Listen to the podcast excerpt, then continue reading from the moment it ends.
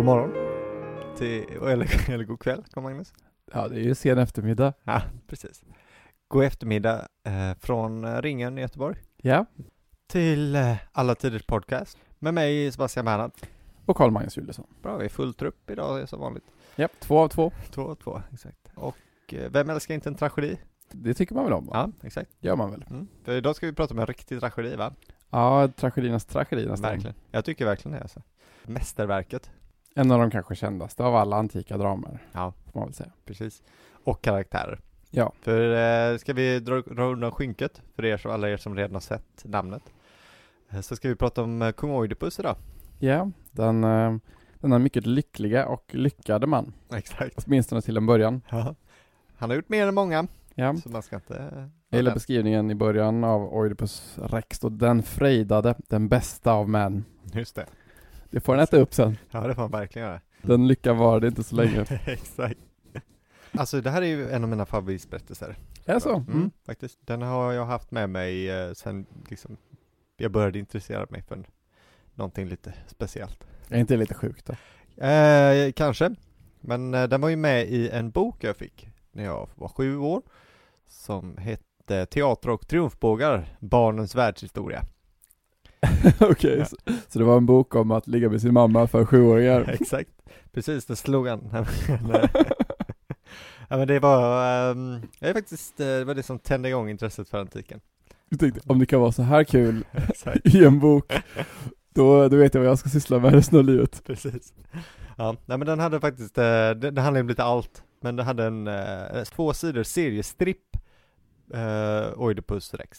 Ah, okej. Det var liksom eh, fem bilder per sida kanske med lite talbubblor till. Så en, en kortversion av det liksom. Exakt, men det, jag får säga att den fångar ju, det går ju ganska fort att fånga historien. Ja. Egentligen. Verkligen. Han, eh, Sofokles, eh, smetar ju på rätt mycket för att få den till en och en halv timme men Ja, ändå, ändå bara en akt. ändå bara en akt faktiskt, just det, sjukt. Ja. Men innan vi går på eh, själva Sofokles drama då, så Mm. eh, hade du lite om, ja, ska vi ta lite förhistoria? Ja men varför inte? Det tycker ni väl är kul? Mm. Eh, för att, vem älskar inte grekisk mytologi? Vem gör inte det? Alltså faktiskt på riktigt är ju det roligaste jag vet. Det är Ehm, och det här, det här är en av de populäraste sagorna ju, ur den grekiska mytologin, och det- alltså bär den ihop ganska många myter igen. Så Mm. de brukar, de häng- hänger ihop ganska, ganska, på ett ganska intrikat sätt. Ja, det är ju så att många, många personer i antik mytologi gör cameos i alla andra myter och så blir också den här svåra väven att eh, pussla ihop alla saker de gör och säger och eh, agerar i. Exakt. Och sen är problemet då, så vi får såklart eh, brasklappa lite, som vanligt, att, eh, att för att få en narrativ myt ur en antik litteratur så måste man liksom sammanslå en massa saker. Problemet är att vi har allting i massa versioner och framförallt Oidipus. Ja, Många av oss ju, känner ju till liksom Sofokles Oidipus Rex eller Oidipus Tyrannos versionen. Eh, Men det finns ju andra. ja, Eh, Så att man får liksom komma ihåg att varje gång man gör så här, berättar så här är kung Oidipus historia, då har man liksom fått klippa ut lite andra bitar, Mm. man har fått köra en, en kanon. Ofta är det väl så med de, de romerska myterna och sådär också att man, man väljer Ovidius alltid för att han är bäst. Exakt. Han skriver så himla bra, men det finns ju andra källor också, men de är inte lika roliga. Nej, så är det. Så vi köper hellre hans version för att, eh, för att han har skrivit det så himla fint. Ja, precis. Nej, men så är det faktiskt. Vilket är liksom såklart kanske inte jättehistoriskt korrekt sätt att göra, men man är ju bara människa. Nej, egentligen missar det lite poängen om man vill försöka gå liksom hitta den antika inställningen till mytologin. För då finns det ju inte en kanon. Nej. Utan eh, varje stad eller by har ju sin egen version av myter, eller egna myter som bara finns där. Eh, ofta är det ju så att myterna hör till en plats. Mm. Kung Oidipus hör ju till Thebe till exempel. Och berättas ju där tills någon författare tar upp det in i ett litterärt verk. Mm. Eh, Så att vi har lite allt möjligt. Ofta har det ju, är det ju någon i sen antik eller tidig medeltid som har suttit och skrivit ihop allting. Mm. Någon, någon skrivare i Konstantinopel 90% av gångerna typ. Mm. Men det, de ska få, det, det ska de ha lära för. Gud ja. Mm. Tack. Ja men före Oidipus då, så är det så att det är, alltså det är viktigt att komma ihåg att det är inte hans fel att det går som det går. Nej, nej precis. Det är ju bara ödet. Men det är liksom så att över hans familj vilar också en förbannelse. Ja. Som så ofta. Eh, och då är det så, Oidipus familj då, han tillhörde Thebes kungliga släkt.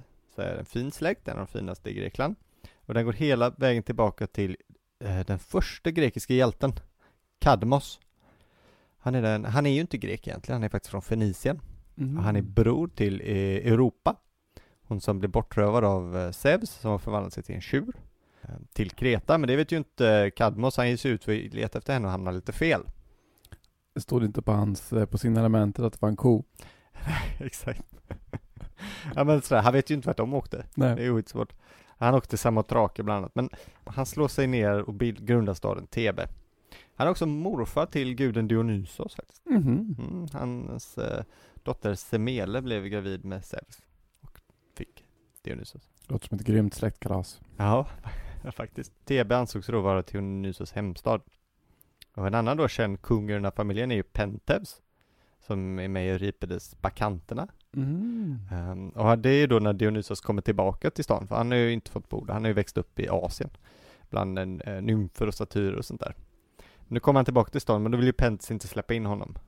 Uh, men det ska man ju inte göra, man ska inte, man ska inte gå emot en gud. Ja, Det brukar vara en ganska dålig Ja. idé. Det är liksom sensmoralen i alla, inklusive Oidipus-berättelserna, Ja. lite. Och Odysseus, eller Odysseen. Ja, exakt. Så att eh, det slutar ju då med, sen, ni får läsa bo, liksom, pjäsen för hela historien, men det slutar ju med att han blir sönderriven av sin egen mor, som har hamnat i en backisk trans. Bråka inte med, med Bacchus. Nej. Får jag lägga in en, en annan grej där som jag tycker är väldigt viktig, som Mm. inte riktigt har med ämnet att göra. Eh, namnen på gudarna och även personerna. Det, det, ofta tror man ju att det finns ett romerskt och ett grekiskt namn. Så fungerar det inte riktigt. Bacchus är, är ett grekiskt namn. Så det är inte den romerska versionen av Dionysos. Aha, så Utan- Dionysos och Bacchus är olika gudar? Nej, det är samma gud, men båda är grekiska namn. Ja, ja, ja. Mm, precis. Ah, Okej. Bacchus är den, är den eh, rituella eller transcendaliske Dionysos. Okej. Bara så att alla... Men romarna säger Bacchus också? De säger Bacchus ibland. Mm. Ofta säger de, eh, om de skulle vara riktigt romerska, så de säger Liber. Aha, Det heter han bara i Rom. okej. Men det var en, eh, det är verkligen ett, det avsnittet kommer, det kan jag lova. Är det som olika typ avatarer av samma personer? kan man säga. Eller olika, de kan heta olika på olika platser, eller olika myter. Ofta kan det vara att de har slått ihop lite sådär. Mm. Ibland är man Bruce Wayne, ibland är man Batman. Exakt. Eh, Bac eh, Bacchus kan ju även heta Ehuevs, Bassareus, Lyaios och sådär. Kärt barn har många namn. Mm, faktiskt. Den mångbenämnde guden som han kallas i eh, någon Aristofanes text. Men i alla fall, den som skapade just Oidipus specifika problem är hans egen far, Nej. Laios. Så Laios är då från samma fa- familj då, men när han är ung måste han fly från staden Thebe, för det blir en dyna- dynastisk strid och en kupp. Så hans familj fördrivs, så då måste han åka till en man som heter Pelops. Mhm. Och Pelops, han är en kung på Peloponnesos. Det kan man höra, för det är nämligen döpt efter honom. Det är den här södra delen av Grekland, liksom, halvön där Sparta och ligger Mhm. längst ner, och även Olympia. Ja, Pelops familj är också förbannad, för övrigt. Det är samma familj som Agamemnon tillhör. Inte förbannat som är sur då, utan de har en förbannelse på Ja, sig. exakt. Ja, Just det. Ja, Det är svårt det där. Vi har inget bra ord för cursed. Nej, Så jag, Ja, jag, jag råkar säga förbannad. Så kom, kom, men inte på arg då alltså. Inte arg, jag menar alltså att de har, blivit, har en förbannelse vilande på sig. För långt. Kanske kommer säga cursed. Ehm, det, det, det är också roligt för att det är dels för att han har fuskat i ett vagnslopp. När han försökte, när han vann sin fru Hippodamia. Och sen försökte mörda honom som hjälpte honom fuska och därför blivit uh, no, cursad. helt enkelt. Ehm, och eftersom hans pappa har, gav gudarna en människa att äta som offer. Eh, som var hans eget barn. Usch. Det är lite ursprungsmyten till alla sådana här baka in någon i en paj. eh, Som myter. Shakespeare sen plockar upp. Exakt. Och även uh, Ovidius och Game of Thrones. Ja, inte minst eh, Titus Andronicus Mm. av Shakespeare. Just det. Så blir det två stycken keltiska bröder nermalda i en köttfärspaj och Mm. födda till hans mamma. Aj. Ja, det är sånt där. Det är ju äckligt alltså. Eh, men då, Pelops tar väl hand om Laios, uppfostrar honom och är jättesnäll. Men det ska han få ångra, för Laios busar, han är en dummer. För när han senare ska åka tillbaka till Thebe för att ta tronen, då kidnappar han eh, Pelops son Chrysippos och våldtar honom. Och det här är ju ett brott både mot heder och gästfriheten Och gör man det, då får man en förbannelse över sig. Det är ju brott för, mot ganska mycket också. Ja, det är det ju. Men, Inte men, bara mot gästfriheten. jag vet, men, men eh, grekerna har liksom ingen så idé om en egen persons sexuella integritet på det sättet. Nej, Det är ingenting man respekterar. nej. Eh, däremot, eh, är- det är ju då ett brott alltså mot pappan, inte mot han som blir våldtagen. Det är nej. så det fungerar i ett väldigt starkt patriarkalt samhälle. Ja. Patriarkalt alltså verkligen, alltså det är mot fadern. Grekland var ju ett ytterst hårt, alltså det var ju mycket hårdare än i Rom till exempel Ja, också. precis. Ja men så är det, eh, alltså det man, om man våldtar någons barn då begår man ju ett brott mot familjeöverhuvudet. Liksom. Mm. Eh, Och för då gästfriheten och det här är ju gudomliga lagar så att eh, det är därför då hela ätten blir förbannad. Mm. Och det som händer då är att Laios först inte kan få barn med sin fru Jokaste. De kan inte få barn, så då åker han till oraklet i Delphi. Vad händer här? Liksom, varför får vi inte barn? Eh, och då säger hon att ni kommer få en son, men han kommer att mörda dig. Och det är här då det här liksom temat inleds, att försöka undvika ödet, Mm.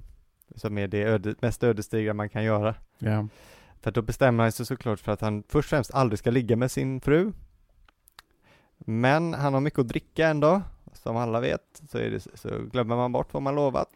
Libidon frodas i fyllan. Exakt, så att han, eh, han, han ligger med henne helt enkelt. Och hon blir gravid, såklart. Men det var ett ganska slappt försök kanske att undvika ödet. Ja. Att, eh, att hålla, hålla, hålla brallorna på. Så då går de ju lite hårdare på såklart då. För att profetian ska gå i uppfyllelse så måste de ju göra sig av med sitt barn. Det första de gör som jag tycker är lite onödigt grymt, det är att de binder fast hans ben. Binder Mm. samman hans fötter. Ja. På lilla bebisen så att han inte ska kunna krypa iväg. Och sedan så ger de honom då till en herde. För att lämna honom på ett berg. Det är så man brukade göra i antiken. Eh, När, när ett barn föds i en grekisk familj så är det inte en del av familjen till, förrän det har presenterats för fadern och fadern har tagit upp barnet. Mm. Gör man inte det så slänger man ut det i vildmarken. Det är väl lite det som sker här helt enkelt. Ja. Eh, Men heden förbarmar sig såklart över lilla pojken. Mm. Eh, Som det brukar vara i sådana här berättelser och ger honom till en annan herde. Och den här herden i sin tur för med honom till Korint och kung Polybos. Ja, och det här växer han ju då upp tills det första som händer som, som, gör, gör att Oidipus börjar fundera på hur det ligger till är att en fyllis skriker åt honom på stan ju. Och kallar honom för en oäkting. Ja, just det. Mm. Då undrar han, eh, jaha, vad är det här för grej? Men Polybos förnekar alltihop och säger nej, du är min son. Det är klart du är. Här skulle han ju ha kommit ut sagt. Det är också här, hade de inte ljugit va, så hade allt kunnat lösa sig, Carl Magnus. Ja. Kommer komma, det är ett av de viktiga temana här är ju sanningen. Ja, exakt. Hur man ska hantera den. Oidipus han är så orolig så även han åker till Delphi. För det är det man gör eh, när man inte vet vad man håller på med. För att få veta vad som har hänt och då får, berättar ju oraklet för honom profetian att han ska mörda sin far och gifta sig med sin mor. Och det här vill han ju absolut inte göra. Han tycker ju jättemycket om sin pappa men inte så mycket om sin mamma. Så att han bestämmer sig för att åka till Thebe. Ja. Mm. Han drar långt från Korint och Thebe, de ligger långt från varandra. Ja, bam, bam, bam. Ni hänger med nu här, för Ja. nu, nu börjar det ju bli riktigt, eh, riktigt tjockt i soppan. Men vad händer på vägen? Jo, då träffar han en man som eh, möter honom, alltså de åker från varsin sida med vagnar. Och bara de hamnar de i bråk, vem ska åka först egentligen? Vem ska väja för den andra? Ingen vill väja för någon. Och då börjar den e- vagnköraren på eh, den ena sidan att försöka köra över Oidipus. Och då får han rachan. Mm. Och då mördar allihop. Alla utom en. Mm. En slav som kommer undan. Ja i alla fall, så då kommer han fram till Thebe. Men eh, då har ju kungen, kungen är borta. Och eh, han har precis hört att han har blivit mördad. Och eh, så hans bror Kreon har tagit över makten i stan. Men det är någonting ändå skumt för en sfinx har slått sig ner. Det är lite olika versioner. Antingen på borgen eller på vägen in till stan. I vilket fall som helst så kan ingen komma till eller från Thebe. Och en sfinx då är ju som sagt precis som en sån som är utanför pyramiderna. Mm. Man tror att det här mytologiska monstret har uppstått i Egypten och sen kom, liksom, förts till Grekland. Men det är lite oklart exakt, de ser lite olika ut på olika platser. Standard är att det är ett, ett lejonkropp med en kvinnoansikte. Mm. Eller i Egypten är det oftare en man i och för sig, men i Grekland är det typ alltid en kvinna. Eh, De har ofta bröst också och kan ha örnklor eh, eller någon annan form av svans. Men det är liksom något sånt här, ett sånt här blanddjur som en kimera eller något sånt där. Det är en grip.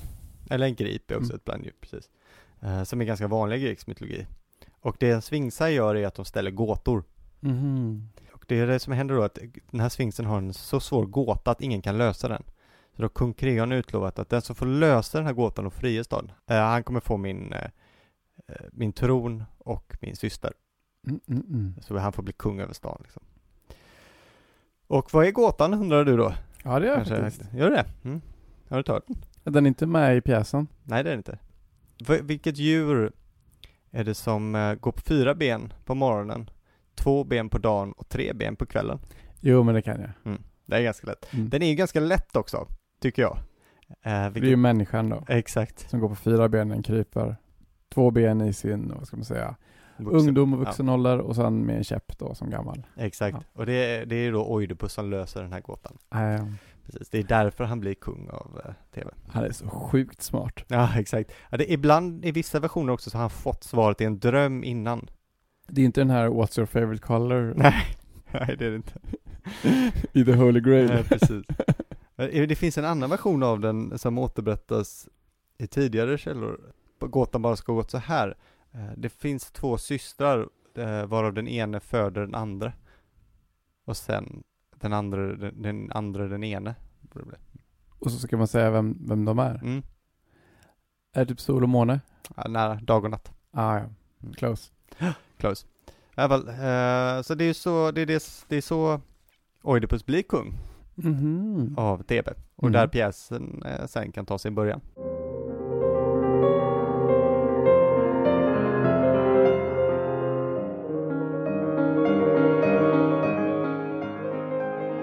Ja, Okej, men eh, nu är vi då befinner vi oss i TV och eh, många av de här sakerna som du har gått igenom i hans biografi kommer ju då komma till ytan på nytt, Just det. i ett litet nytt ljus. Och vissa saker gör då inte det, till exempel Sphinxens gåta och så här, inte, inte med i själva texten. Nej. Som vi kommer märka. Och det som händer är ju att den här förbannelsen börjar göra sig lite tydlig. TB befinner sig i sorg. Grödorna torkar, boskapen och barnen dör.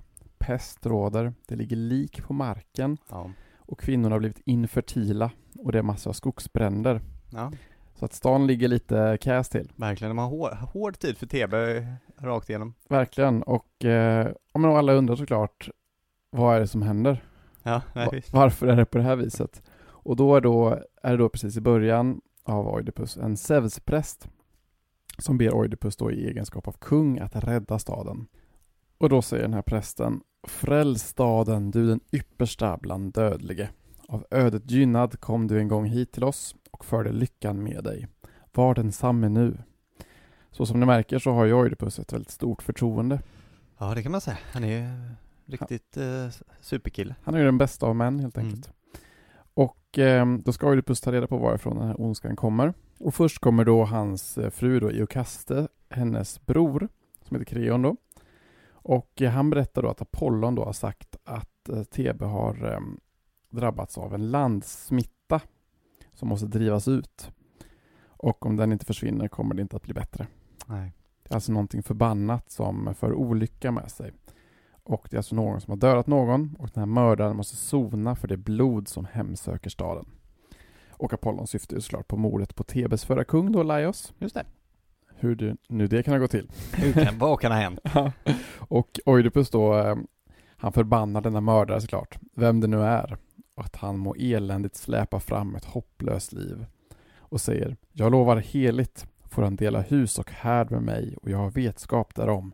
Då må jag bli drabbad av det jag har hotat andra med. Ja. Det ska man inte säga. Nej, det är väldigt dramatisk effekt där för att publiken som ser pjäsen, den grekiska, kan ju myten.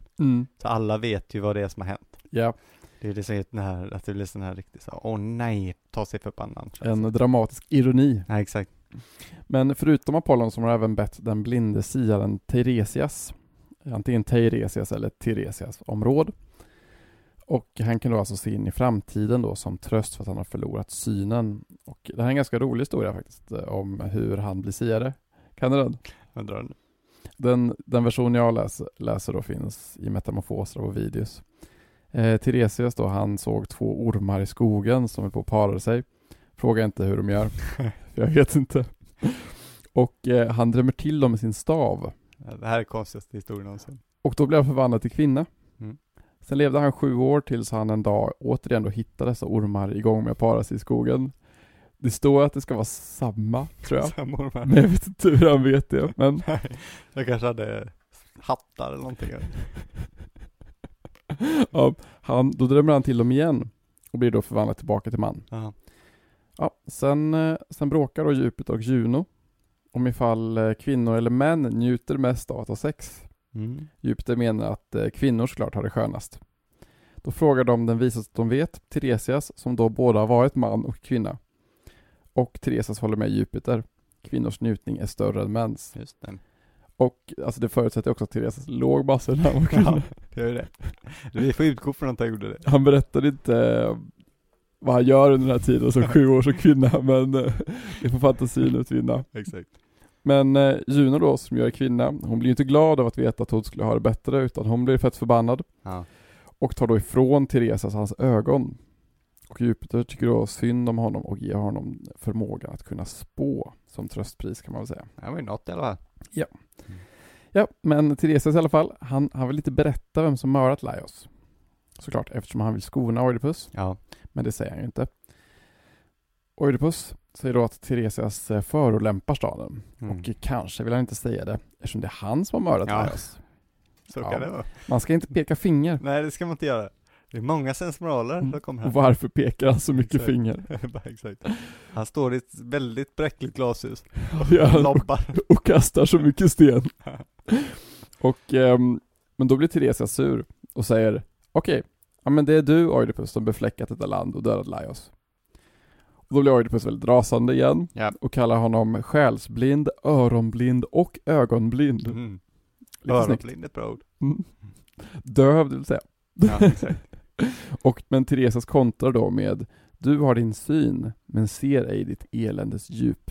Ej var du bor och vem du lever samman med. Mm. Mm, mm, mm. Ah, ah, ah. Ja.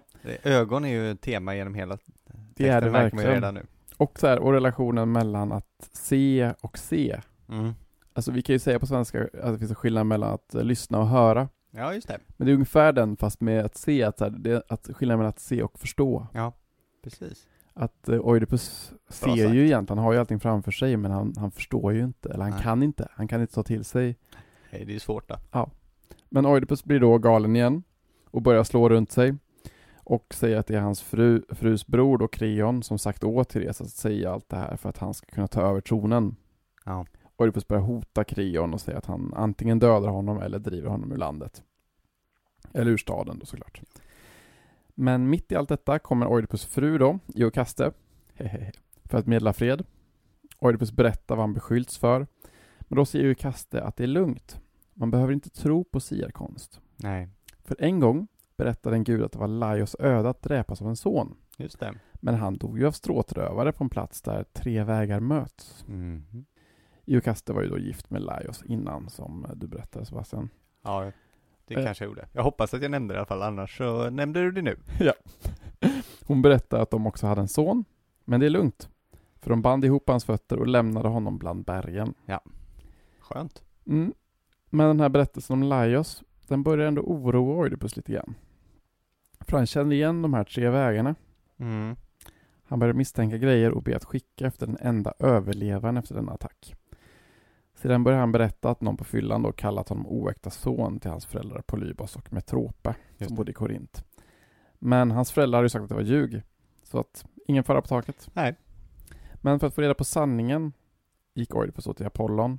Ja. Han sa att han skulle ligga med sin mamma och ta livet av sin far och det var ju därför då Oidipus lämnade Korint Mm. och begav sig till Thebe som vi pratade om innan. Som åskådare här börjar man ju ana lite ugglor i mossen. Mm. Men Oidipus är ju ännu inte med på tåget. Eh, på grund av denna förutspåelse har han inte velat återvända till Korint eftersom han inte velat döda sin pappa och ligga med sin mamma. Nej. Men han börjar i alla fall förstå att det kanske är han och inte Stråtövare som dödat kung Laios i alla fall. Just det. Alltid något. Mm. Och eh, efter det här kommer en budbärare och berättar att Oidipus pappa, Polybos, är död. Just det. Han har dött av sjukdom. Och då drar de slutsatsen att det är lugnt. Man behöver inte lyssna på siare och orakel. De har ju fel. Ja, exakt. Men Oidipus är fortfarande lite skeptisk. Han vill ändå inte återvända till Korint eftersom han är rädd för det här, eh, den här delen av spådomen att han ska ligga med sin mamma. Ja, just det. Laios för detta fru då, och Oidipus nuvarande fru Eukaste, har då stått och lyssnat på och säger då Varför skall människan rädas som en lyckans träl och ej kan se på förhand något som ska ske? Bäst att leva på en slump så gott man kan. Mm. Hys inte oro för att bli din moders man. Det har hänt med mången att han drömt att han har legat med sin moder. Den för vilken slikt är utan innebörd, han lever livet lätt. Hon tycker Ja. alltså att man ska inte hålla på och oroa sig för sådana här saker och eh, inte tänka för mycket. Nej, kan ju vara i och för sig ett bra tips till, och, till personerna i pjäsen. Men då undrar budbäraren varför är Oidipus orolig för? Mm. Han är ju en oäkting. Just det. Va? Han säger att Oidipus pappa fick honom ur, eh, ur den här budbärarens egna händer då. Och eh, Oidipus hade då, det står att han hade borrhål genom fötterna också. Ja, det skiljer sig ju alltid sånt här. Men, Ja. Mm. Men genom eh, hans fötter. Och eh, budbäraren hade i sin tur fått honom av en av Laios män.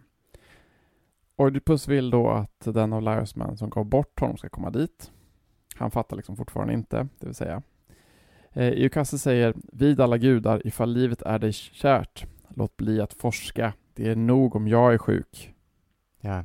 Ja. Eh, kan hon kanske börja också ana vart det barkar. Hon eh, vet nog vart det barkar. Men denna Laios tjänare säger då, må pesten ta dig, kan du inte hålla tyst? Han vill inte heller berätta alltså. Nej. och ber honom att sluta fråga. Till slut säger han att det var kung Laios barn då. Det som publiken egentligen då redan har fattat. Just det.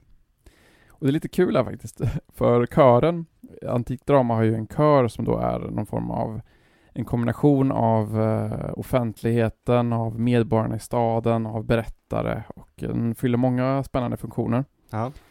Och eh, den här kören säger då vid det här tillfället O ve, ve berömde Oidipus. Samma vid hamn var till fyllest för både far och son ett gemensamt sovgemak. Aj, aj, aj, Ack. Hur kunde faderns åkrar utan motstånd finna sig i att du plöjde dem så länge? Far och son har alltså legat med samma kvinna. Ja, det är bra, bra, bra metaforer där. Ja, det är lite kul att Sofokles som ju ändå brukar lyftas upp som den mest allvarliga av alla liksom, Ja. antika dra dramatiker, tragöder. Här hinner han med hela två stycken metaforer för att knulla. Ja. Att köra in sin båt i någons hamn och dra plogen över åken. Nej, visst, det är svårt att hålla sig när man får ett sånt läge tror jag. Då två stycken på fyra rader. Ja, men du vet, han måste också, han ska också försöka vinna pris ju för den här pjäsen. Aj, ja. publikfria lite kanske. Så det här är första och enda skämtet i hela, hela Oidipus. Ja, exakt. Det var ju, det var ju tävling här just. Ja. jag, tyckte, jag tyckte han gjorde det bra i alla fall. Eh, väldigt ekonomiskt och kom, komprimerat. Japp. Men nu får då Eukaste nog då och springer in i palatset. Oidipus springer efter. Sen kommer en slottstjänare ut och berättar att Eukaste har låst in sig och att Oidipus har brutit upp dörren och hittat henne hängande. Mm. Hon har alltså hängt sig. Då tog han hennes praktnålar. Jag antar att det fäste hennes kläder kanske och Ja. var lite som prydnader och sticker ut sina ögon. Och han säger då, ni kunde inte se det som har hänt mig och det onda jag har gjort, han talar till sina ögon då. I mörker må ni hädanefter skåda dem ni ej bort se och känna dem ni bort känt. ja.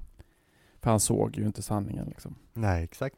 Men en väldigt spännande tema tycker jag i, alltså i Oidipus är ju att Iokaste ganska snabbt fattar vart det barkar. Ja. Alltså hon och publiken fattar ju mycket, mycket snabbare än vad Oidipus liksom klarar av att greppa det. Och hon vet, men vill inte att han ska komma fram till det och säga det då. Nej. Hon kan leva i en lögn, och vilket framträder åt alla budbärare och siaren och alla tjänare. Alla vet ju vad det är som har hänt. Det är Jo. bara Oidipus som Så inte vet. Vilket är ganska bisarrt liksom, att eh, staden är förbannad och på grund av ganska sjuka grejer. Ja. Och alla vet det, förutom han. Jo. Nej, det är klart, eh, men det är svårt att veta när man står i mitten. Så att liksom, alltså en tragedi, man brukar ju säga att en tragedi börjar lycklig och slutar sorglig. Ja. Och en komedi brukar börja sorgligt och sluta lyckligt. Men den lycka som Oidipus har, han är verkligen okunnigt lycklig. Ja, Han vet inte om varför han, eh, varför han borde vara olycklig. Men alla andra vet att han borde vara olycklig. Absolut. Det är lite Truman show över eh, situationen. Ja men verkligen. För Oidipus måste veta sanningen fast alla som han frågar ber honom att lägga av. Ja. Håll tyst, må pesten ta dig. För att det är för tragiskt. Ja, Sanningen är alldeles för farlig och blir då även dödlig. visst. Mm. Oidipusen han blir ju blind då och Ja. eh, ber om att förvisas då från staden av Kreon då, som blir den nya kungen. Och kören säger Landsmän i vår hemstad Teve, se på denna Oidipus som den mörka gåtan tydde och den bäste var bland män, vilkens framgång ingen av oss kunde utan avund se. Han har drunknat i ett gräsligt olycksödes böljesvall. Ja. Därav ser ni att vi människor borde bida med vår dom fram till slutet och ej prisa någon lycklig innan han rundat livets sista målsten utan att av ofärd nås. Just det. Det är väldigt vackert. Ja, det verkar det. Det betyder då alltså att man kan ju inte säga att någon är lycklig förrän de är döda. Nej. Det är en idé som, eh, som kommer igen lite här var i grekisk, eh, grekisk filosofi också ju. Eller i Ja. grekisk samhälle överlag. Att man ska, man ska inte vara avundsjuk i onödan. Nej precis, eftersom det för någon- alltid kan hända skit som Mm. ändrar allting och vänder upp och ner på det. Ja, precis. Så tänk på det när du sitter och tänker någon som är så jävla bra. Mm. Han kanske ligger med sin morsa. Kanske det. Ja. Kommer sticka ut sina ögon. Ja, exakt. Men annars är ju såklart det verkliga temat är ju att ingen kan undgå sitt öde. Nej, så är Alltså, även om man sätter ut sina barn i skogen, även om man flyr sitt hemland, kommer ödet alltid att hinna ifatt den och Ja. hitta sin väg att uppfyllas. Men samtidigt tycker jag det finns en, det är intressant också att Sofokles ifrågasätter ju på samma sätt lite om ödet verkligen finns också. För det är ju inte ödet som får dem att göra det, det är ju deras försök att undvika ödet. Jo, men De- det är väl det att, att de försöker undvika det blir ju del av deras öde då. Ja, var det- förutbestämt att de skulle göra det. Ja men det, det, det, det ironiska är ju att hade de inte försökt förebygga ödet så hade det aldrig skett. Nej, Eller det är i alla fall inte utsatt att det, att det har skett. nej. Du, det, är- det, är ju- det är ju faktum att de känner till ödet som gör, gör att de begår det. Ja, så kan man ju se det också. Ja. Att det, gör- det, det, det är ju total mindfuck alltihop. Så egentligen är det bara Apollon som eh, sätter igång en självuppfyllande profetia. Ja, att kan så man här, säga. nu kan du inte tänka på någonting annat, så nu kommer du göra det Ja, här. exakt. Precis. Det är som det här, tänk inte på en banan, exakt. och så tänker man på en banan. Precis. Det är li, lite liknande i alla fall. Ja, lite faktiskt. Ja, ja det är ju så särskilt tragiskt. Mm, verkligen. Och eh, om sanningens outhärdlighet.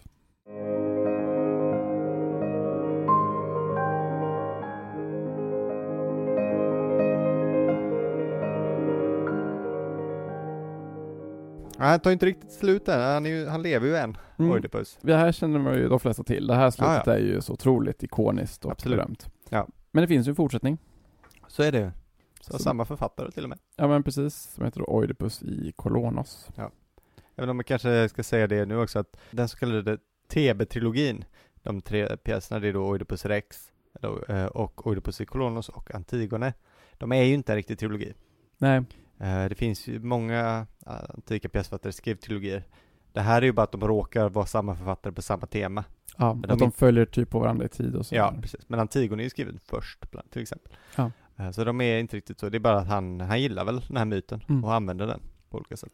Snar, då är alltså Oidip, kung Oidipus egentligen en prequel då. Kan man säga. Exakt. Om man ska vara... Det är sällan prequels är bättre än uh, originalet. Ja det är faktiskt sant, det är jag vet faktiskt inte om bättre än Antigone i och för sig, men Ja den är också ganska tung faktiskt. Så. Om man ska vara riktigt anakronistisk. Jo.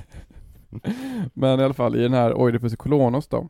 Vi vill ju veta hur det går för Oidipusen då efter den här eh, fruktansvärda ja. avslöjandet. ja, jag sitter på nålar. Ja. Och i den, i den här då har Oidipus tillsammans med sin dotter Antigone kommit till staden Kolonos. Där någon som heter Teseus är kung. Ja, just det. Och det börjar med att han går runt på en helig plats som gör att alla invånare blir lite sura. Ja. Och, eh, och så säger han vem han är och så blir de lite lagom glada Ja. på grund av allt han har gjort. ja, precis. För alla känner ju till Oidipus och den här fruktansvärda förbannelse. Ja. Kören säger eh, Här där vi bor får du ej ha din varelse. Ut ur vårt land må du strax se dig av igen. Du får ej vidare besmitta oss med blodskuld. Nej. Så han är, inte, han är lite, han är sådär önskad. Nej, lite spetälsk sådär. Lite.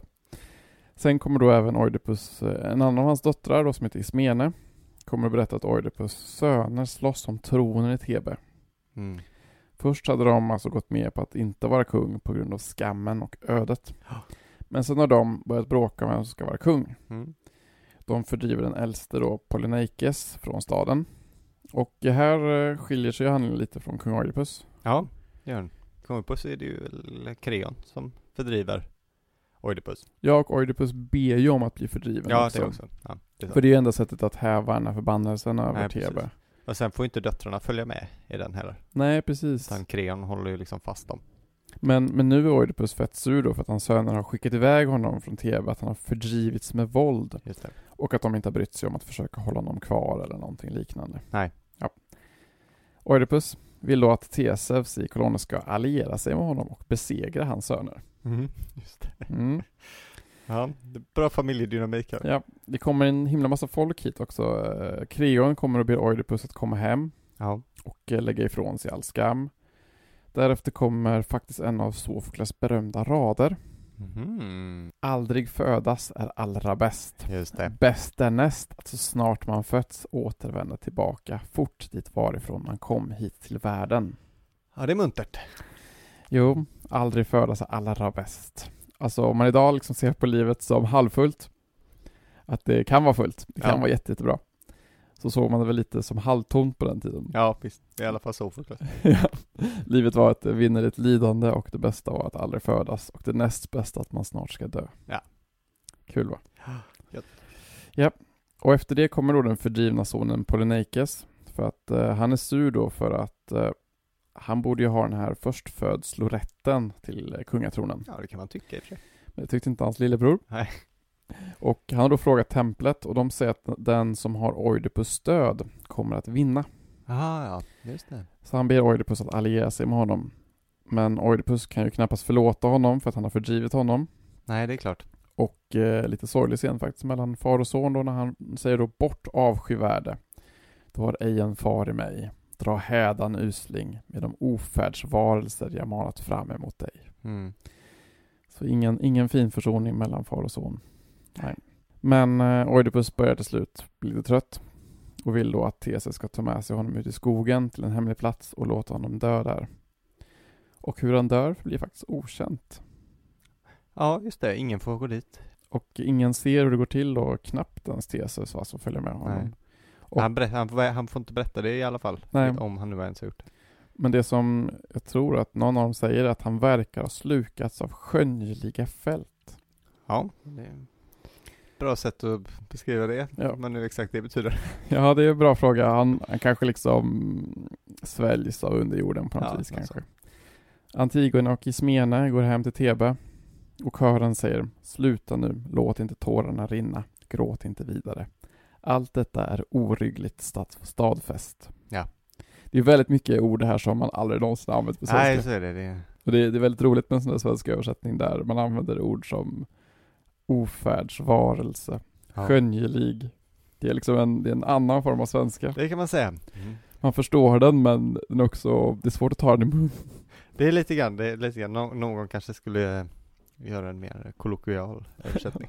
för att använda ett riktigt kollokvialt ord.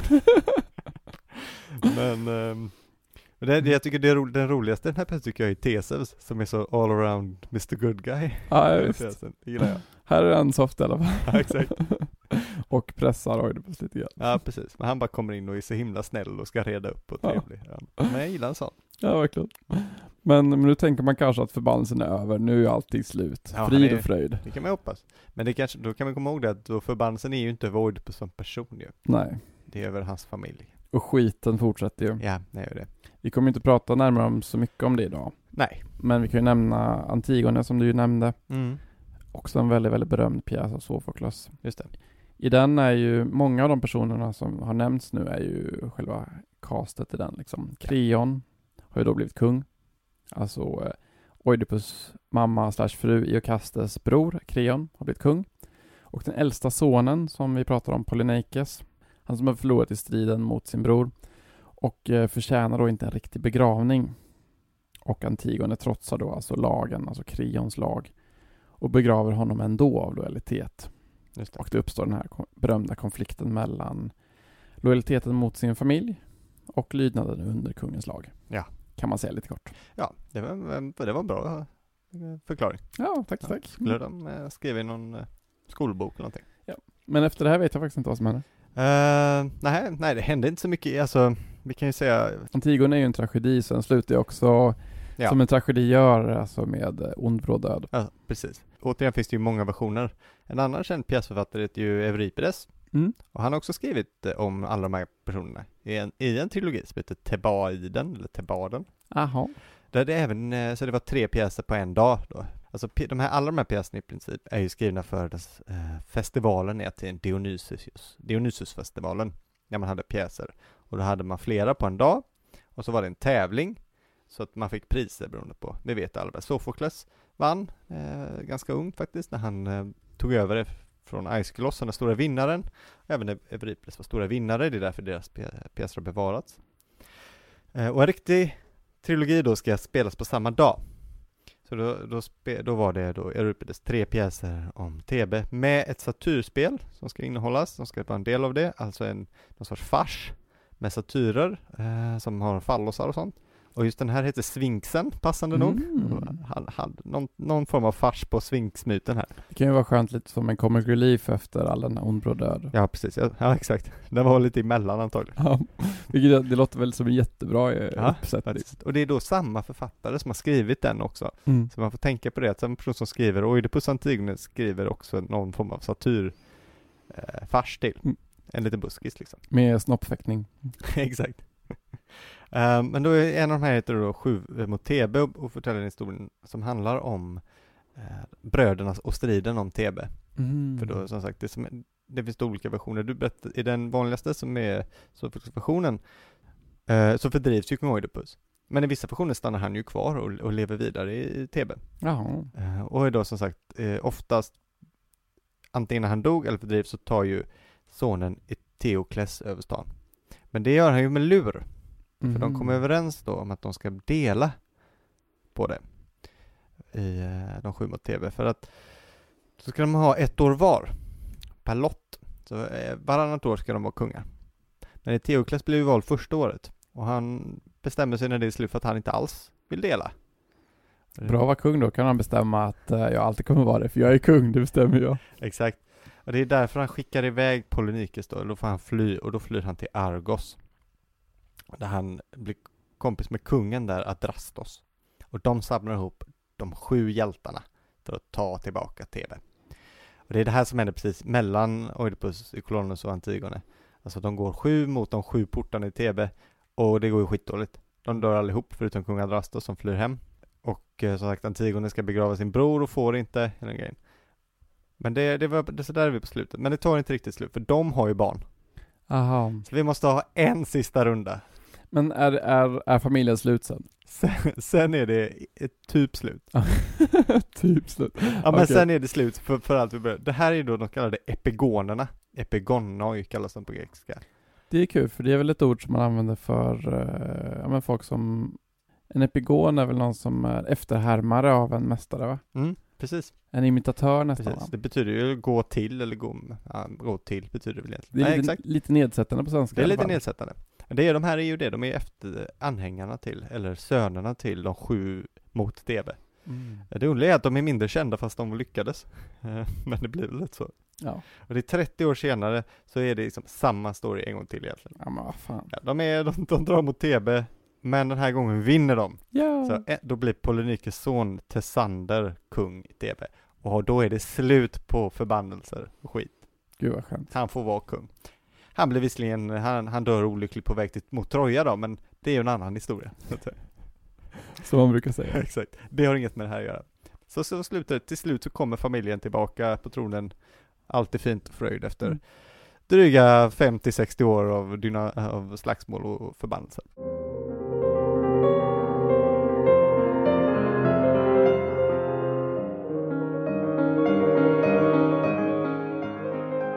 Och det här är väl typ allt man behöver veta om Oidipus då egentligen? Ja, det, det är väl allt. Jag tror det jag tror vi har täckt det mesta va? Jag tror det också. Mm. Men eh, det finns ju mycket man kan säga om den här pjäsen såklart. En sak som eh, överlag tror jag i alla fall stämmer om antik litteratur. Det är ju det här att namnen, inte minst i myterna, är väldigt viktiga. Ja, spännande ofta. också. Ja, en bok och en författare som eh, påverkat mig ganska mycket åt det här hållet är ju Jesper Svenbro. Mm. En av Sveriges kanske främsta klassicister. Det får man ju minst sagt säga. Mm, får man säga. Sitter i Svenska Akademin till exempel. Mm. Eh, och han har i en bok då gått igenom en tolkning av Oidipus som gjorts av en fransman som heter Jean-Paul Vernon. För det finns en del grejer att prata om här. Till exempel, då, Iokaste nämner ju att det inte är så konstigt om man drömmer att man ligger med sin mamma, om man är man. Nej, det säger hon. Och detta har faktiskt en viss anknytning i grekisk kultur. För om man är en grek och drömmer att man ligger med sin mamma, så spelar det stor roll hur man gör det. Ja, det här är bra grejer. För om man är under henne eller ovanpå henne. Ja. Typiskt greker alltså. Är man under henne, dåligt tecken. Ja, det är klart det. Men är man ovanpå, då är det bra. Ja, de, har, de har ett trick. Ja, exakt. T- Ticket är ju alltid att vara den som gör det. Verkligen. Vilket, men om man tänker att man ska ligga med sin mamma, då är det nästan värre att vara aktiv. Man vill ju tro det. Men det känns ju mycket värre att vara Ja, ja. aktiv part än passiv part. Men någonting kommer den här andra stian in, den här mass- viriliteten i, i, hos grekerna. Ja, det är väl det, det är väl det Det är starkaste. så här, regel nummer ett, det sämsta är alltid att vara en mes. ja, verkligen. Oavsett vad det är du gör. Gör det som en bad guy. Exakt, så kommer det, så är det lugnt liksom. Och eh, nu säger ju inte, eller så här, men det här är ju då i drömmen såklart. Oidipus gör det ju på riktigt och det är klart att det är mycket, mycket värre. Ja. Men en annan grej är det med haltandet. Mm. Vi nämnde ju att han, eh, att det, i alla fall i Sofokles står att han har stuckit hål på hans fötter. Ja. Och i alla fall att de bands ihop då när, när eh, de lämnade bort Oidipus som barn. Och att vara halt i grekisk mytologi, det är ett dåligt tecken det också. Ja, det kan man ju tänka sig alltså. Det betyder att någonting står fel, att någonting är ur led som Hamlet skulle säga och Ja. att eh, alltså framförallt någonting mellan generationerna är knasigt. Ja, okej. Mm. Mm. Och det, det som då är spännande här, det är ju att hans namn betyder just det ju. Ja. Oidipus, alltså svullen fot. Ja, ordagrant. Mm. Ja, det är ju kungen Polybos då som döper honom till det Ja. när han kommer till Korint Mm. på grund av att hans fötter är svullna. ja. Men det inrymmer också eh, Oida, Mm. jag Ja, vet, ja. Just det. på Det gör grekiska. det faktiskt. Ja. och eh, ja, men vad är det som Oidipus vet då? Jo, han vet ju Sphinx- Sphinxens gåta, Mm. som du tog upp. Människan. Och att det är han själv som bär skulden. Ja. Han måste bara bevisa det för sig själv och inse det så att säga. Så att eh, då menar då eh, den här Jean-Paul Vernon och eh, i sin tur också Jesper Svenbro då att hela dramat finns alltså inrymt i namnet redan från början.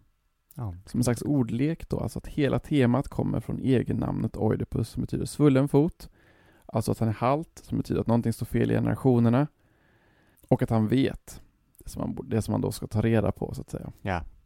Så att eh, själva liksom temat ligger i namnet. ja, det är spännande. Och man kan nästan tro att egennamnet har ju då liksom föregått hela sagan då och kommit som en konsekvens av det här namnet. Nästan. Ja, man kan, eller, ja, det kan ju vara hur, det kan man ju undra hur det här kommer fungerat.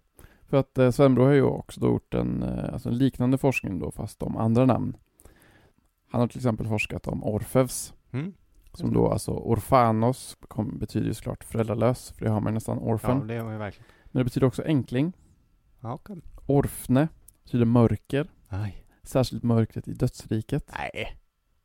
Orfos betyder en sorts fisk som lever väldigt länge efter att den styckats upp. Ja. Rösten, sången, poesin som lever efter kroppens död. ja, men Allt ryms i en lek med ord i egennamnet. är det sant allt det här? Ja. Tror jag sitter där och hittar Nej, på bara- egen jag- grekiska? Ja, det jag har inte hört det innan. Det här, shit. Det är ju hela Orshävsgrejen ju. Precis. Och liksom, så hans forskning handlar typ om det här att eh, när man ska liksom analysera antika myter så väldigt, väldigt viktigt men han har också Ja. analyserat Ajas då i, Just det. eh, i också en Sofokles-pjäs faktiskt. Ja, det är det. Det är hans första stora hit tror jag. Så att liksom att det finns så himla mycket i de här namnen som säger väldigt mycket om själva myten och historien och det är ju, väldigt- det är fantastiskt. Det är klart. Vi har ju även eh, Polynikes här i, i eh, den här berättelsen, alltså Oidipus son, han som misslyckas med att ta tronen. Det betyder ju ordagrant mycket strid, eller kan betyda mycket seger, men det, det jag har läst ofta säga att det betyder många stridigheter, Ah. Mm. vilket ju också ligger i, i namnet så. Precis, och i hans öde. Ja, precis. Det finns många sådana Mm. kända. Eh, Andromaca ur, Mm. ur eh, Iliaden och så. Ja, Den som Andros. män Ma- s- strider om. Ah, ja, ja. Det är bra grejer. Det är bra grejer. Så att eh, tänk på det när ni läser antika myter. Ja. Ja men ska vi ta tjuren vid hornet då? Ja, ja, verkligen. Ja, jag är ju såklart intresserad av Freud, men jag är absolut ingen expert. Nej, Så här kommer en ganska ytlig redogörelse för Oidipuskomplexet. vad skönt. Ja, det är det jag vill ha också. Ja, om jag har fattat det rätt. Ja, du vet, psyko, psykologer och skit. Men först skulle jag säga att det här är ingenting man, ibland pratar, pratar vuxna män att man lider eller inte lider av Oidipuskomplex. Ja, det är sant. Men det är liksom ingenting man, det är ingen sjukdom. Nej, nej, det är så mycket till vet till och med jag faktiskt. Ja, alltså Oidipuskomplexet är en del av en sexuella mognad som barn. Mm. Bra. Sen, eh, sen kan det ju inträffa att om, eh, om saker går fel i den här processen enligt Freud så kan du få en massa konstigheter för dig när du är vuxen Ja. och ha massa problem så att säga. Det kan vara allting från att, eh, ja, aggressioner eller en förtryckt sexualitet eller ja, impotens och sånt där saker. Liksom. Härligt. Ja, men om jag har fattat det rätt då. Är du rädd att det sitter några psykologer där ute och eh, analyserar allt du säger nu? Det är exakt det jag är rädd för. Ja, men du vet, de kan ta sig i brasan. Men i alla fall så här. Eh, den bygger på att pojken då, eh, det handlar inte bara om pojkar. Men eh, det handlar mycket om pojkar för att jag tror att jag tror att själva mm, hela den här identifikationen som vi kommer komma till är mycket viktigare för pojkar. Ja, visst. Jung har gjort något som kallas Elektra-komplexet som skulle vara kvinnans eh, liksom, variant av Det hört. Elektra som ju gör lite liknande saker. Men eh, Freud gillar inte den här teorin. Nej, okej. För Nej. att eh, det- den kvinnliga liksom, sexuella mognaden ingår också i Oidipuskomplexet. Ah, ja, Enligt honom då. jag förstår. Om man nu tror på det här. Ja. Pojken riktar sin libido då, alltså det sexuella begäret, mot sin mamma Mm. och upplever därför en konkurrens med sin pappa om denna kärlek då. Eh, det gör, gör att barnet blir eh, ambivalent. Man har ju det här du vet, jaget, detet och överjaget. Jo. Detet vill därför döda pappan, Mm. men jaget vet att det inte är möjligt. Nej, han är mycket större. Pappan är starkare och större såklart. Och, ehm, och därför har pojkar då generellt sett ambivalenta känslor mot sin pappa. Ah, ja, Och som kan visa sig i typ så här kastrationsångest och sånt där liksom. just det. Det här ingår då i, liksom i en fas som kallas förträngning då, att man, man förtränger de här begären och man förtränger liksom eh, den ambivalenta känslan mot sin pappa och sådär. Men för att slippa liksom det, någon, eh, alltså kastrationsångesten eller alla de här men som kan uppstå av, eh, av den, här, de här förtryckta, den här förtryckta sexualiteten, för incestförbudet är ju också det som ja, strukturalister och sånt, Claude Lévi-Strauss och sånt där, de menar ju att hela civilisationen bygger på incestförbudet Ja, att civilisation och Visst. liksom all typ av liksom eh, gruppmentalitet eh, och, och stammar och eh, klaner, allting bygger på ett incestförbud. i vilket fall som helst känns det ju som eh, något eh, ganska djupt rotat. Precis. Eh, och för att slippa det här då, då inträffar ett stadium av identifikation. Pojken Ja. eller flickan inkorporerar, alltså tar in då sin eh, personlighetsdragen från sin eh, föräldrar av samma kön. Ah, ja. Och eh, det gör faktiskt att man blir av med den här kastrationsångesten då eftersom eh, ens likhet med sin pappa då skyddar för eh, rivaliteten med honom om sin mamma då. Ah, ja. Och identifikationen då innebär då som konsekvens att man letar efter en partner som påminner om ens egentliga då kärleksobjekt, ens mamma eller pappa. Fast då som är ens egen. Okej. Käckt. Det är någonting åt det här hållet i alla Men fall. ja, Och eh, jag förstod vad du menade. Oidipus har ju blivit så himla känt eftersom att Freud har plockat upp det här Ja, såklart. det är ju kul också. Ja. Det är ju därför det är känt, tänker jag också. Att det, är, det, är ett, det är ett roligt komplex. Det är ett kul ord. Det är faktiskt väldigt spännande tycker jag, för att eh, jag tycker faktiskt det är ganska intressant att ehm, för Freud är ju det här fadermordet så himla viktigt. Ja. Hans favoritroman sägs ju vara Bröderna Karamazov, Just det. som också handlar om ett fadermord. Ett Mm. patricid, Mm. Bra. som man säger på fint, ett fint ord. Och, eh, och då tänker man ju att det skulle vara att man bara är arg på sin pappa, liksom. men det handlar ju inte om det, utan det handlar om att för att bli vuxen människa så måste man eh, liksom avlägsna, eller måste bli det som man identifierar sig med Just det. och inte ha relationen barn till en far, utan man måste bli den som är ens far, ens Ja. funktion liksom. Och då måste man ta dess plats. Just det. Och det är det som är att bli vuxen egentligen. Ja, ja. ja det är väl eh, sant. Så jag har tolkat det i alla fall. Säkert. Jag kan, jag kan tänka typ att det hör lite ihop med när man är, em, så här upplever i alla fall jag det som. Mm. Att det fanns en tidpunkt när man, det var väldigt, väldigt viktigt vad ens föräldrar tyckte. Jo, absolut. Och att de, jo. höll, de höll med en och att de tyckte att man tyckte saker politiskt och skit så skulle de tycka samma sak. Annars blir man väldigt, väldigt bedrövad och arg och väldigt frustrerad. Ja, så kan det vara. Men en dag kommer man in i en situation där man bara tänker att ja, men de tänker vad de tänker av en viss anledning Och de har rätt att tycka vad de tycker och har säkert fog för det och det är baserat på var de kommer ifrån och sådär. Och jag har rätt att ha mina åsikter för de kommer, på, kommer från vad jag har haft med mig och vad jag har gått igenom och vilka typer av tankar jag har haft. Precis. Och att istället för att se då att de har rätt och jag har fel och så blir det liksom att de tycker så och jag tycker så. Mm. Ja, Och jag upplever i alla fall att när, när den tillståndet kom, när man inte, när ens föräldrars åsikter inte gör någonting, nej. Det är bara Då- en annan åsikt. ja, då blev jag vuxen. Ja, vad bra. Att känna, jag det, tyckte- det tyckte jag var fint. Snyggt. Mm. Ja, skönt. Känner du igen det?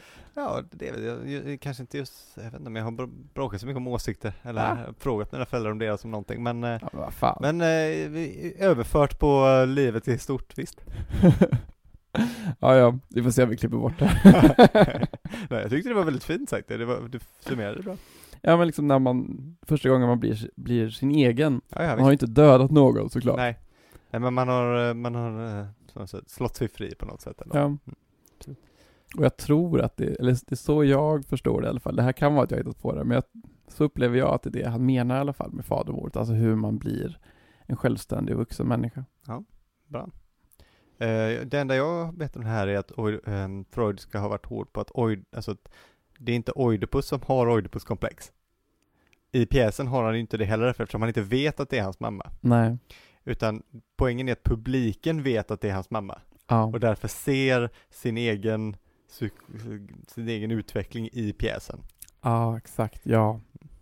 Jag tycker också det finns en annan fin, em, en fin liknelse som jag tänkte på, typ att em, hela Oidipus-pjäsen är ju en, eh, ett sökande efter sanning Det är det ju verkligen.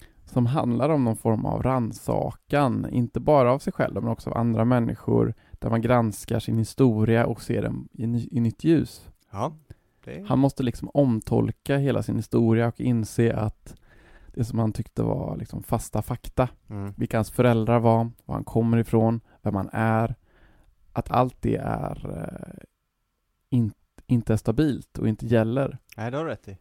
Så att jag tänker liksom om man är väldigt dramatisk så kan man väl se att det är någon form av alltså metafor för en verklig då djup psykologisk rannsakning. Ja. Att liksom det handlar om att eh, verkligen vända på alla stenar och att hitta sitt riktiga jag. Mm. Ja, men det är väl sant. Mm. Fint sagt. Så jag förstår ju att Freud eh, tyckte så här, så här, så här ska psykoanalysen vara. Sanningen är förödande, den är smärtsam, den är hemsk. Men vi måste göra det, vi måste ta reda på hur det verkligen ligger till på liv och död oavsett vad offret blir. Just det. Just det. Ja, visst. Så tänker jag att Freud ser på psykologi. Om du säger ja, jag tror på dig. Eller ja, jag spekulerar fritt. Ja, ska vi uh, avsluta där? Ja. Med lite god psykologi, det är det alla, alla gillar. Mm. Ond, bråd död och psykologi. Precis. jag tror jag föredrar ond död. Men ehm, vi ska väl också plugga lite sociala medier va? Ja, Det borde vi göra efter varje avsnitt tror jag, men vi blir dåliga på. Ja, jag tycker att jag gillar inte att göra det. Jag tycker bara jag Nej jag känner- vet, men alla gör det, så då måste man göra det också. Okej, men jag tycker det är bra att du gör det. Ja, jag gör det gärna. Så eh, det, var, det är det jag gör nu. Följ oss på sociala medier. Mm. Ni vet var vi finns. Alltså alla vanliga ställen. Ja. Precis. Och eh, följ gammal poesi också. Ja, Mm. är klart jag ska göra det. Mm. Kommer lite grekiska grejer eh, snart hoppas jag. Fett. Kommer en- någonting ur uh, Oidipus? Nej, det blir eh, lite Od- Odyssea special tänkte jag. Kan du inte göra den här eh, om att, eh, att eh, det bästa är att dö? Jo, det kan jag göra om du vill. Ja, men jag hade gärna hört den på, Ja. för att den rimmar så himla fint på sven- den här svenska översättningen som jag hade. Ja, du vill se hur den ser ut i original. Ja, om det liksom, om det verkligen rimmar på det så snitsigt som jag tyckte att Ja, den här översättningen De brukar ju inte rimma. Nej, Uh, grekerna rimmade sällan. Så att jag skulle inte hålla mina, nej, men jag, mina hästar högt men, men jag hade gärna haft en, ehm, en ordagrann också på den. det, jag ska se vad jag kan leverera. Den Ja. kan komma snart, snarare än vad du tror. Vi alla väntar spänt. Exakt. Så, följ den sidan. Eh, oavsett vad ni gillar, gör det bara. Japp. Så ses vi eh, nästa vecka va? Det gör vi. Det blir kul. Hej då. Ha det gott. Puss puss.